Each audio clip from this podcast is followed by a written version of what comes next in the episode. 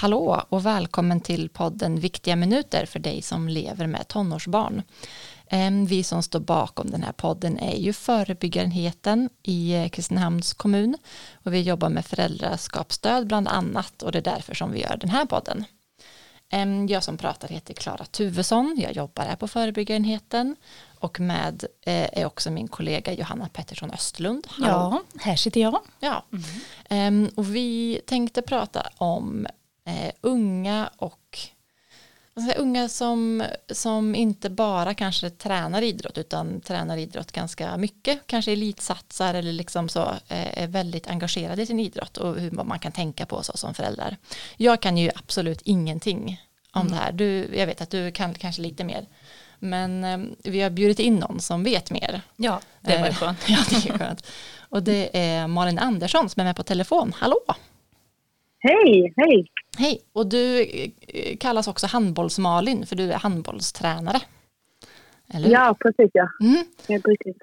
Um, du kan väl börja med att berätta lite om vem du är och vad du gör och så, lite mer förutom bara handboll. Ja, ehm, för eh, vad var det knappt, ja, i januari 2020 så startade jag igång min eh, blogg som handbollsmalin då, Instagram. För då också på pågick eh, mastercoachutbildningen som är den sista tränarutbildningen man har inom handbollen. Mm. Eh, och där, eh, är jag ju, där var jag ensam kvinna så att, och då kände det, kändes det lägligt att jag startar upp eh, min blogg och mitt Instagramkonto där jag främst delar med mig av eh, alla handbollsövningar som jag, som jag har och filmar och för att ge lite ledartips och övningstips till resten av svensk handboll. Mm. Eh, och kunna nå ut så bra som möjligt. Så där är det liksom bakgrunden till var jag befinner mig idag. Att eh, handbollsmalen har fått positiv respons och då blev det att jag startade det som ett eget företag. Mm. Ja. Att, eh, och sen är det ju det här med handbollsmalen just att kunna inspirera andra så mycket som möjligt. Det är inte så lönt att jag sitter på min mastercoachutbildning hemma i min soffa utan kunna dela med mig av så mycket som möjligt. Mm. Och tänker jag också kunna vara eh, lite förebild i det här som du säger med att vara kvinna i eh, Ja, precis. Exakt. Mm. Ja, men vad spännande. Och, ja, absolut. Jag har förstått det som att du också åker runt mycket i Sverige och, och coachar olika mm. lag. Mm. Ja, det har blivit det nu när eh, handbollsmålning kom igång och jag startade som ett företag så håller jag en hel del inspirationsträningar Mm. Och då fick jag, ehm, har jag haft, fått ett eh, större uppdrag då som jag ska hjälpa ett lag i Karlstad. Eh, och ehm, när vi kickade igång försäsongsträningen nu i två veckor sedan är jag där en gång varannan vecka och hjälpa deras ledare och deras spelare att utbilda sig och utveckla sig. Ehm, att ta liksom nästa nivå. Mm. Mm. Så när man vill förbättra sig så kan jag tänka mig att det är både genom övningar som du berättar och så. Men eh, mm psyket är väl en del av den psykiska pressen och prestationen ehm, med individer och lag.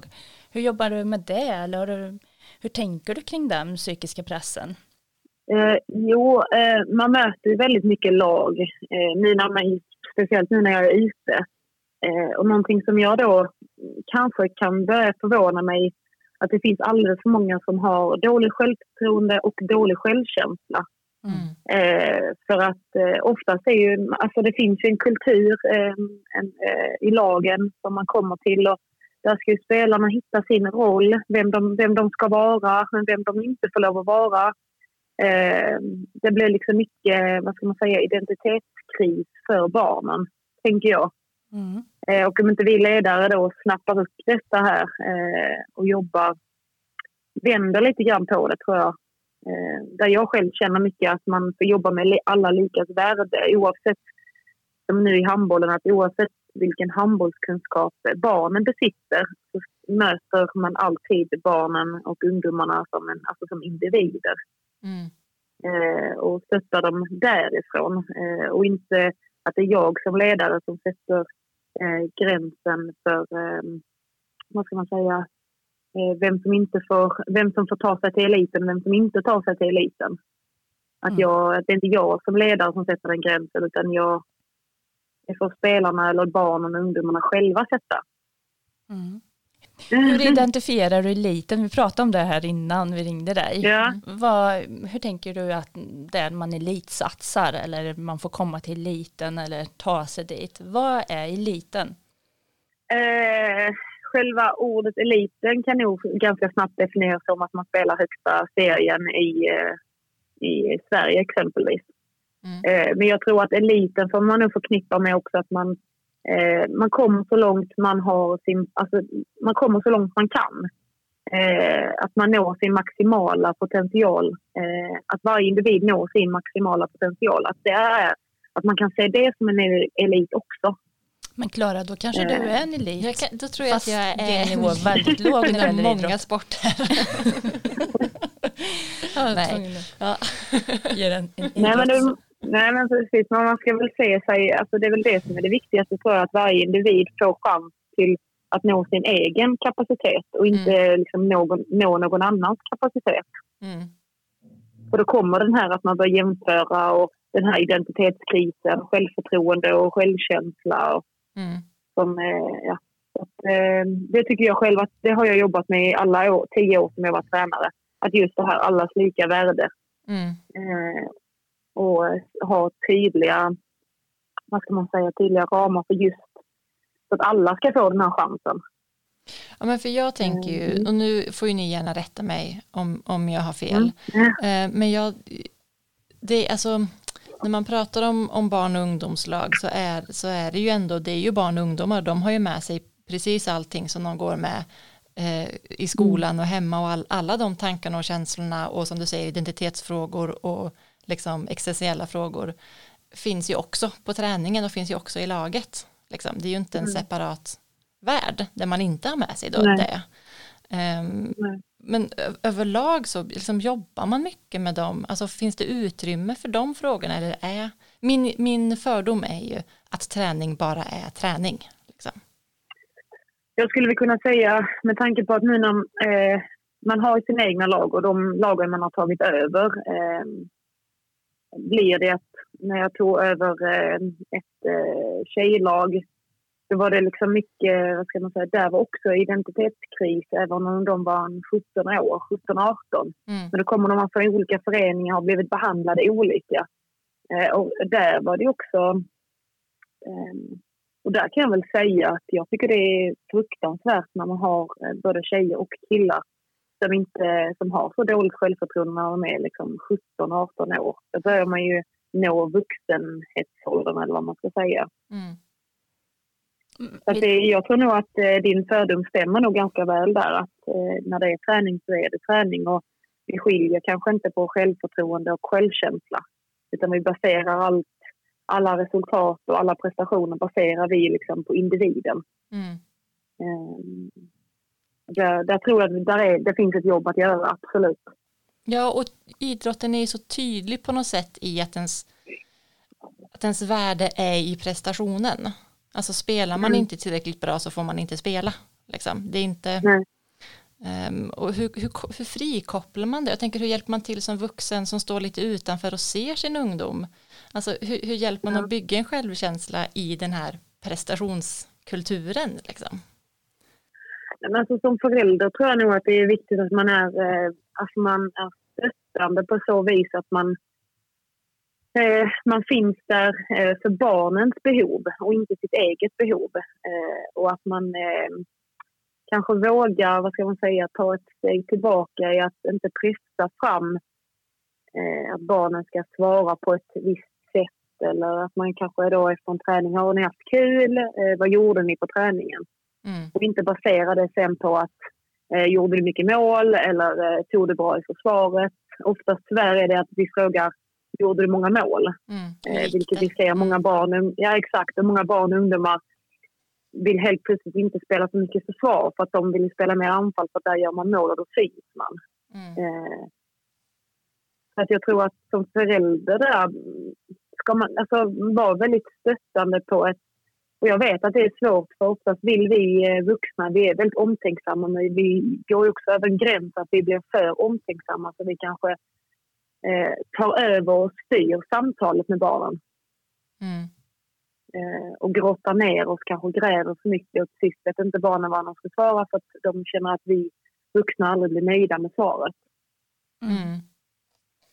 Så att, eh, nej men alltså, ja, det, alltså jag förstår, det är ju en, eh, det är en stor fråga men det är också att det här eh, kring eliten att eh, barnen ska ju själva, givetvis måste det finnas en disciplin kring det och så är det ju alltid om du ska nå eh, om du ska nå allsvenskan och, eller elitserien eller handbollsligan och SOE som det heter i handbollen. Det finns ju en slags disciplin som krävs och då behöver ju kanske föräldrarna uppmuntra barn och ungdomarna att gå till träningarna även om de kanske känner sig lite trötta eller är på väg att kanske ge upp. Att man uppmuntrar dem till att eh, vara med. För att alltså, idrottsrörelsen är ju viktig. Mm.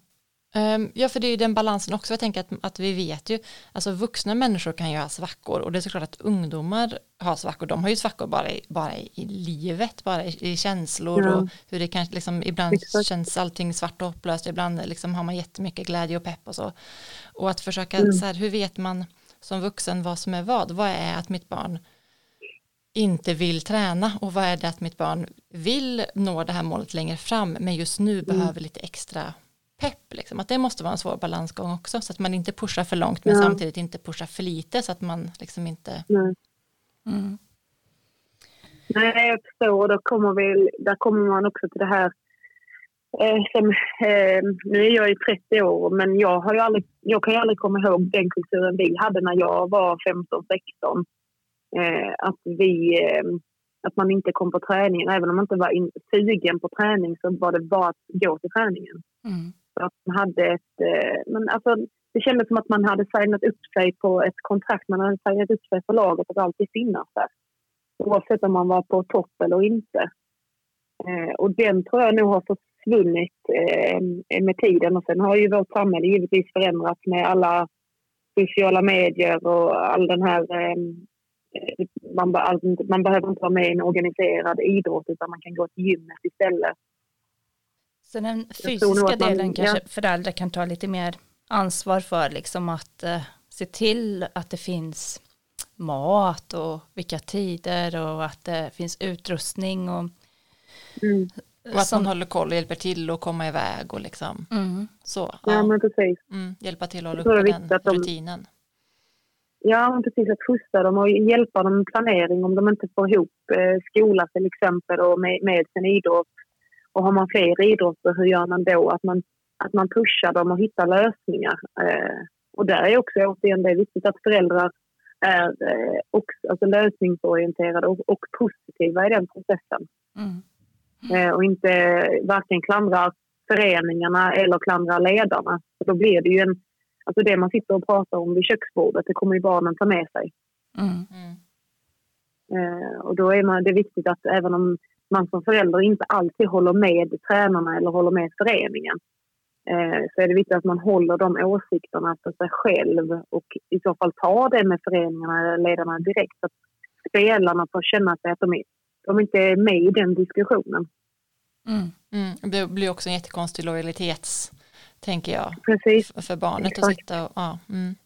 mm. Så att man ska kratta runt omkring så att det blir om man, mm. någonting man inte tycker om så tar man upp det med den föreningen direkt. Ja men precis. Mm. Ja exakt. Mm. Ja men då tänker jag också att, att eh, ju äldre ens, ens barn blir desto svårare kanske det blir också. Men det, eh, alltså när man har en, om man har en 14-åring så känns det ganska lätt kanske som, som förälder att gå in och säga nej men det här funkar inte och det här, så här be, det, mm, ja, mm. det här kan förbättras och så. Men när man har en 17-åring mm. så kanske inte det känns lika självklart att man går in och eller? Nej. Jag själv är ju idrottsförälder och jag skulle ja, nog aldrig ja. Eh, ta upp äh, någonting med någon tränare direkt så. Mm. Um, om det inte är grovt allvarligt. Mm. För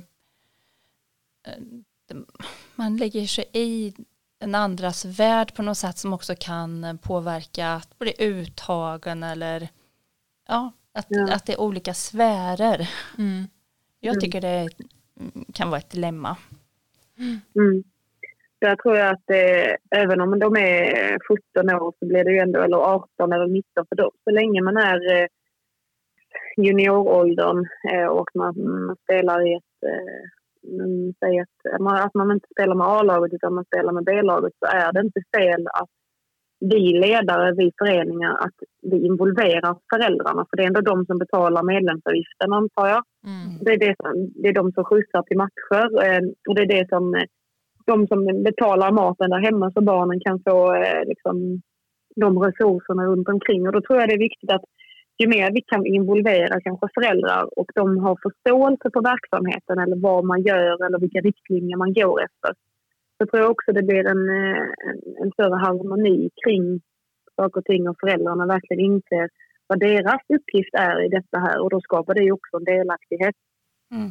Mm. Eh, och, det, och spelarna kommer inte alltid vara nöjda med sina, spel, eller med sina ja, spelare runt omkring men inte heller sina tränare. Mm. Det kommer ju vara så att spel, barnen kommer komma hem och spy galla över kanske sina tränare eller över sina lagkamrater. Då är det ju, eh, och där tror jag att föräldrar kan försöka vara så objektiva som möjligt och kanske ställa, ställa motfrågor istället så att barnen liksom får, får stå upp och kanske förstå att ibland är inte allting saker som man själv vill ha det och allting är inte rättvist. Mm. Hur kan vi hantera eh, det här? Liksom, hur mm. ska vi hantera det? Så att ja. det fortfarande får ja, men precis, kul. Ja. Och varför tror du att det blev så? Mm. mm. Nej, men det är så på arbetsplatser också. Att man, det, när man träffar andra människor så finns det ju risk för att man inte tycker lika eller att det skär sig och, mm. och så. Och man kan ju inte byta jobb varje dag för att man inte trivs med någon kollega eller chef eller sådär heller utan man får ju mm. Mm. Det, det, är väl att lära sig att ingå i system och i team och så. Mm. mm. Ja. Men man kan ju alltid bekräfta känslan. Jag förstår att det är tråkigt men mm. varför tror du att tränare ja, sa så? Mm. Ja, precis. Ja. Och där tror jag också att när man, barnen kommer upp i en viss ålder så finns det också ett, vad ska man säga, ett forum för att de, ska, de kan tolka in saker fast, eh, och in, fast det inte var så. Mm. Eh, och eh, de kan hitta på sin egen verklighetsbild fast det var inte alls så, mm. så som det var. Eh, och då tror jag, precis som ni säger, att det är viktigt att man kanske bekräftar, det var tråkigt att höra så, men eh, varför tror du att det var så? Eller hur tror du att tränaren tänker? Eh, eh, och så vidare. Och hur skulle du vilja gå tillväga eller hur vill du göra det bättre? Mm. Så att man hela tiden lägger över ansvaret tillbaka till barnet, att det är den som får liksom lära sig också ta ansvar om den tycker att någonting är kanske inte så som den skulle önska ha det. Ja, men vad ska man göra så att inte föräldrarna tar det ansvaret och men jag fixar detta här, jag löser detta här. Mm. Mm. Och det skapar ju också en relation mellan spelarna och tränarna. Vilket jag alltid i mina tio år som tränare uppskattat att ja, man har relation med spelarna och inte föräldrarna. Ja. Mm. Har du något tips till liksom direkt till ungdomar och barn hur de ska stärka sin identitet och självkänsla det här som du pratade om, självförtroende? Ja, alltså konkreta tips. Eh, eh, alltså, det, är inte, det är inte barnen som eh, som sitter all ansvar till att skapa en självkänsla eller ett självförtroende. Utan det är ju faktiskt vi ledare, alltså vi vuxna runt omkring, det är vi som skapar den här världen. Mm. mm. Eh, och skapar vi en uttagningsprocess, ja men då måste vi också lära oss ta hand om hur tar vi hand om barnen som inte blir uttagna? Hur tar vi hand om de barnen som blir uttagna? Eh, och eh, alltså det här, jag pratar alltid om det här hyret. Mm. Alltså, vill, vill, man jobba med uttagningsprocesser, ja men absolut, gör det. Men ni måste veta hur hela tiden. Mm. För att minska konflikter, för att minska att någon blir sårad, ledsen, eh, känner sig utstött, eh, för, för ett minskat självförtroende för att man inte blir uttagen.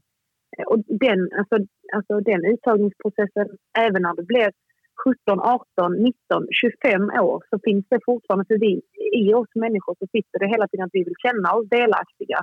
Mm. Eh, det är ingen som vill vara utanför. Så, så som du är barn, ungdom eller vuxen mm. så vill man inte vara utanför. Mm. Och då tror jag att det här liksom arbetet, hur man tar hand om dem. Det, vi ledare som har, bär verkligen det ansvaret. Och att vi kanske säger till spelare som inte har blivit uttagna men att vi kanske ger dem möjlighet att jag kan hjälpa dig att bli bättre på det här om du vill det. Eh, och så får spelarna själva fundera och sen Men att vi hela tiden erbjuder att hjälpen finns eller stöttningen finns. Mm. Jag, jag, tänker på som du tog upp eh, lite i början, att, i, ja. i, att eh, ja, men det här att fokusera också på, på, på, lag, på lagkänslan och lagprestationen och inte så mycket bara på gjorde du mål, vad gjorde du, utan så här, ja, vad, vad, vad, gjorde ni ihop? Liksom. Mm. Um, så att man kan, och det kanske är ett sätt att, att, få ner, vad ska man säga, avundsjuka och liksom den typen av negativa stämningar i ett lag. Jag vet inte, det här är inte mm. mitt område, men jag, jag tänker det. Nej, kanske. men absolut, absolut. Och sen kan det också vara att alltså, vi, vi vuxna måste, och vi behöver inte alltid eh, fråga hur allting var hela tiden, utan det kan ju vara alltid från att åh, träffar du Sara idag på träningen eh, och jag pratade, typ att till exempel man pratade med hennes mamma. Då kan man bara nämna sånt utan att man hela tiden lägger fokus, tar bort fokuset och hela tiden hur det var och hur känns det. Att man någon gång bara kan få lov att vara. Mm. Ja, och nu kände jag att jag alltid frågar när, när, min dotter har gjort någonting. Hur var det på dansen? Hur gjorde ni på dansen? Mm. Att det, ja, ja, håller jag på att göra det hela tiden? Mm. Man kan ju ja. fråga vem är, ro, vem är roligast eller vilka, mm. vilka är det som är mm. ja, roligaste laget, vem drar mest skämt och... Såg du något på vägen när du mm. cyklade dit eller ja. cyklade hem? Ja. Ja. Mm. ja, det var bra. Jo. jo, men jag tror nog det är också för att ibland behöver det inte kännas någonting. Och jag tror att för ibland gör det inte det. Alla känner inte någonting alltid. Mm. Och det måste ju också vara okej, okay, tänker jag. Mm. Att det bara var en träning som var kanske, ja den var neutral. Jag kände ingenting om det var positivt eller negativt. Utan det bara var, jag bara kom dit och tränade liksom. Mm. Jag tänker på sådana här orättvisor som man kan uppleva inom, i livet överlag då. Mm. Att någon får en ja. tjänst fast man själv tycker att man var mer mm. värd att få den. Mm. eller att någon ja. annan ja. Uh, får, får det och det. Eller att mm. no, någon uh, Bor i ett snyggt hus. Ja, mm. eller att uh, domaren minsann inte såg att det var fel där. Eller, ja. Det finns ju mm. otaliga sådana saker. Vad, vad skulle jag komma till när det gällde det? Att man kanske behöver prata om det också. Ja, att det är orättvist. Att, ja. att det är orättvist. Livet är inte rättvist. Ja. Mm. En del Nej. tycker om andra mer än äh, även tränare som tycker att mm. kan kanske inte gillar en så mycket. Det kan ju faktiskt mm. vara så äh, orättvist. Och det måste man ju hantera. Att andra mm. människor hur ska ja. jag få fram det här? Jo, att man kanske behöver prata om det. Så ibland är livet orättvist. Hur hanterar vi det? Mm. Vad gör du om du mm. tycker något är orättvist? Vad, och, vad kan du, ja, och vad är din gräns? Vad kan du svälja och vad kan du släppa? Liksom? Och vad, mm. vad måste du göra mm. någonting åt? Mm. Då kan man mm. få kraft av orättvisan. Mm. Att, så att det inte försvinner kraft utan kan det stärka en och förstärka något område eller mm. Nej, nej, och det är precis som ni säger att det, det, allting behöver inte vara kul hela tiden. Mm. Eh, saker och ting får lov att vara orättvist, tråkigt. Eh, men det är ju också hur när, när barnen och ungdomarna nämner att det är tråkigt eller att det är, är, är orättvist. Mm. Om vi då vuxna spär på det och håller med, mm. det, är då vi kommer, det är då vi hamnar i fällan. Mm. För då skapar vi helt plötsligt en, vad ska man säga, en mur, en maktpakt kan man väl säga ut gentemot idrotten, gentemot ledaren, gentemot spelarna, föreningen. Och helt plötsligt så börjar det... Och då blir det ju att vad ska man, då hamnar man i liksom det här skitsnacksforumet. Mm. Eh, och då blir ju bara barnen mer och mer negativa. Mm. Men det är ju för att vi vuxna väljer att svara på det sättet. Så där är ju en, en enorm balans på vad vi väljer att, om vi bara väljer att lyssna in och sen bara lägger vi över ansvaret till barnet igen. Men vad tänker du? Vad skulle du vilja göra? Mm. Um, och där, där, tror jag nog den största eh, utmaningen är faktiskt att förändra, eh, förändra eh, det hela så att inte allting blir... Tränarna gör inte alltid rätt och så är det, men de, de är också människor. Mm. gör inte alltid rätt. Föreningar gör inte alltid rätt, men det måste också finnas en acceptans eh, och en chans till ledare och föreningar att faktiskt förändra och förbättra. Mm. Mm. Det kan, det kan nog gälla att även föräldrar inte alltid gör rätt. Ja, Jo. Människan gör, eh, är inte sån. Nej. Mm. Nej. Mm. Nej, det är en utmaning absolut. Men det är, men det är väl sådär som jag tänker kring just föräldrar. Mm. Ja, ehm, som sagt, jag, jag, är ju, jag har ingen egen erfarenhet av den här världen, men tycker verkligen att det är jätte, jätteintressant. Det känns som att du gör Mm. ett, ett, ehm, ett viktigt jobb i det här. Verkligen. Ehm, Jo, jag, jag hoppas det. ja. Vi har ju pratat så länge nu, så nu måste vi Mm. börja, Ja. eh, nu måste vi börja knyta Ja. ihop säcken. Men, ja, det, jag hade kunnat ställa många fler frågor känner jag. Många fler fördomar Nej, inte- idrott. ja, precis. Det är ett intressant ämne. Ja. Ehm, men ehm, det vi pratat om är ju att, att eh, ungdomar kommer ju in också i idrott med, med eh, hela sin person ehm, och kan Mm. brottas med alla möjliga eh, frågor också under sin träning Mm. Ehm, och, Mm. och hur, hur förhåller man sig till det har vi pratat lite om och sen så har ju du Mm. eh, gett lite tips på hur man kan stötta unga som, eh, som tränar och elitsatsar på olika sätt. Ehm, och då har du Mm. pratat om att ehm, finnas där för barnet och försöka utgå från barnets behov. Att inte fokusera Mm. på mål och resultat och inte gräva Ja, i, i resultat och prestation utan man kan Mm. fokusera också på Mm. vad det är kul och så. Sen så kan man också fokusera inte alls på själva träningen utan på sociala Mm. relationer som man har eller eh, någonting runt omkring eller så. Mm. och så, men så har vi också sagt att det krävs ju ändå, alltså om man ska elitsatsa så krävs det ju viss disciplin. Ehm, och, och då behöver man vara med som vuxen och, och uppmuntra till att vara med. Ehm, att hjälpa- till med rutiner, att hjälpa till att hitta lösningar om det finns praktiska problem. Ehm, Mm. Eh, och så har vi också pratat mycket på att tänka på hur man pratar hemma om tränare och förening. Och Mm. ifall ungar, ifall ungdomar kommer hem med mycket negativt prat, att man kan vara med och, och utmana, alltså såklart också bekräfta, men, men också utmana. Mm. Ehm, och, och så, varför tror du att det blir så? Och hur, vad, hur tror du att tränaren tänker? Och så, så att man inte bildar det här Mm. som du kallade för maktpakter. Eh, där Ja, man liksom blir vi och dem mot, mot Ja. tränaren. Mm. Exakt. Ehm, och sen så pratar vi också om att ibland är livet orättvist. Så, så är det, så kommer det vara genom hela livet. Och alltså, knäckfrågan är ju hur hanterar man det? Mm. Mm. Och det behöver vi kanske prata mycket, mycket mer med våra ungdomar om generellt. Mm. Ehm, Mm. Tänkte du på något Johanna?